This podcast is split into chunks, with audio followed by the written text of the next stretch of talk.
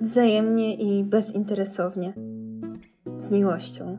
To jest moje przykazanie, abyście się wzajemnie miłowali, tak jak ja was umiłowałem. Nikt nie ma większej miłości od tej, gdy ktoś życie swoje oddaje za przyjaciół swoich. No właśnie, miłość bliźniego. Większość ludzi na świecie czuje się niekochana. Niektórzy nie dają się pokochać ze względu na swój egoizm. Inni nie mają w sobie wystarczająco dużo chrześcijańskiego ducha, by kochać tych, którzy ich nie kochają. W rezultacie świat pełen jest samotnych serc. Mowa o miłości, nie w romantycznym czy cielesnym sensie, ale we wznioślejszym wymiarze. Zalicza się do niego m.in. dobroć, poświęcenie i przebaczenie. Człowiek, który nie potrafi z dojrzałą miłością przyjąć samego siebie i zaafirmować własnego życia, zazwyczaj nie potrafi właściwie określić w sobie samym związku miłości i prawdy.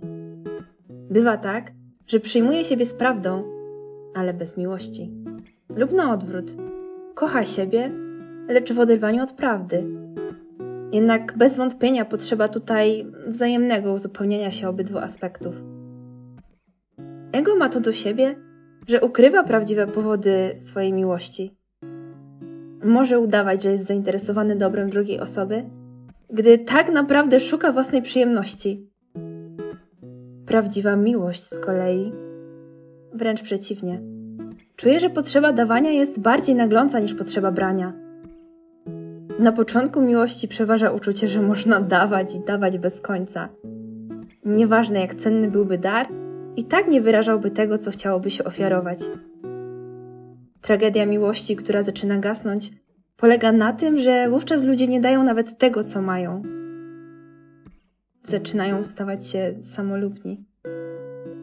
W każdej, nawet najszlachetniejszej miłości nadchodzi taki moment, gdzie znika tajemnica.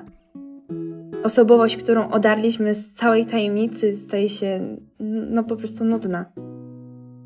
Zawsze powinno pozostać coś nieodkrytego, jakaś tajemnica, której jeszcze nie zgłębiliśmy, jakaś namiętność, której nie możemy zaspokoić.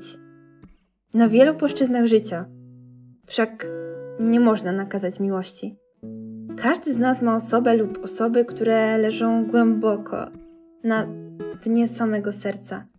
Twój bliski, mąż, dziewczyna, rodzic czy przyjaciel.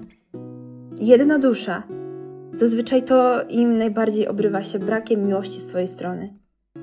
Skup się dzisiaj na relacji z Twoim bliskim, który tego potrzebuje, a może nawet o tym nie mówi. Zastanów się, ile razy w ciągu dnia została Ci okazana miłość? Ile razy sam ją okazałeś?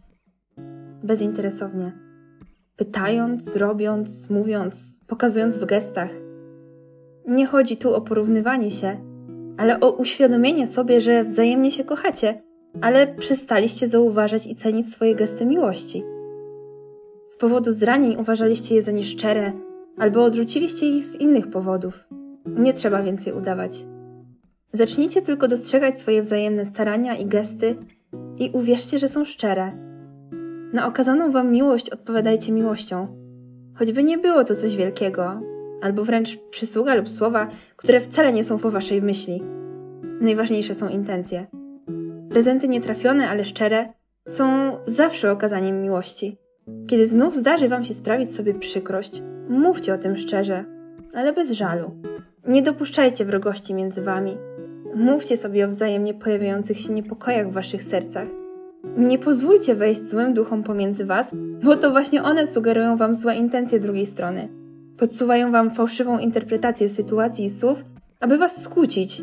Nie pozwólcie złym duchom bawić się wami. Zawsze zakładajcie dobre intencje drugiej strony, nawet jeśli doświadczyliście przykrości. Traktujcie się jak niezmiernie delikatne rośliny, które po burzy nieśmiało podnoszą z ziemi kielichy do słońca. Ostrożnie wystawiają płatki na ciepło. Wy również bądźcie wobec siebie bardzo delikatni, aby odbudować wzajemną ufność i nie ranić się już więcej, nawet nieumyślnie. Za nic w świecie nie pozwólcie, aby serce waszego ukochanego człowieka, na nowo otwarte i pragnące, znów zostało zranione i ponownie się zamknęło. Cierpliwa i wyrozumiała miłość. Jezus patrzy z zachwytem na dusze, które sobie przebaczają. Te są najpiękniejsze. Miłość idzie zawsze w parze z przebaczaniem. Na Twoje przebaczenie Jezus odpowiada miłością. Wylewa ją na Ciebie poprzez Twojego najbliższego człowieka. Bóg miłością do bliskich uczy Cię miłości do Niego. Zrób z tej miłości paliwo. Niech się na coś przyda. Niech wprowadza pokój. Nie taki, jaki daje świat, a całkiem inny pokój, którego nie można zniszczyć. Bóg jest miłością. Nie wystarczy mieć miłość w sercu, trzeba ją wylewać z dużym ciśnieniem, niczym święty Florian. Gasić wszystkie pożary nienawiści miłością. W miłości nie ma lęku, lecz doskonała miłość usuwa lęk, ponieważ lęk kojarzy się z karą. Ten zaś, kto się lęka, nie wydoskonalił się w miłości.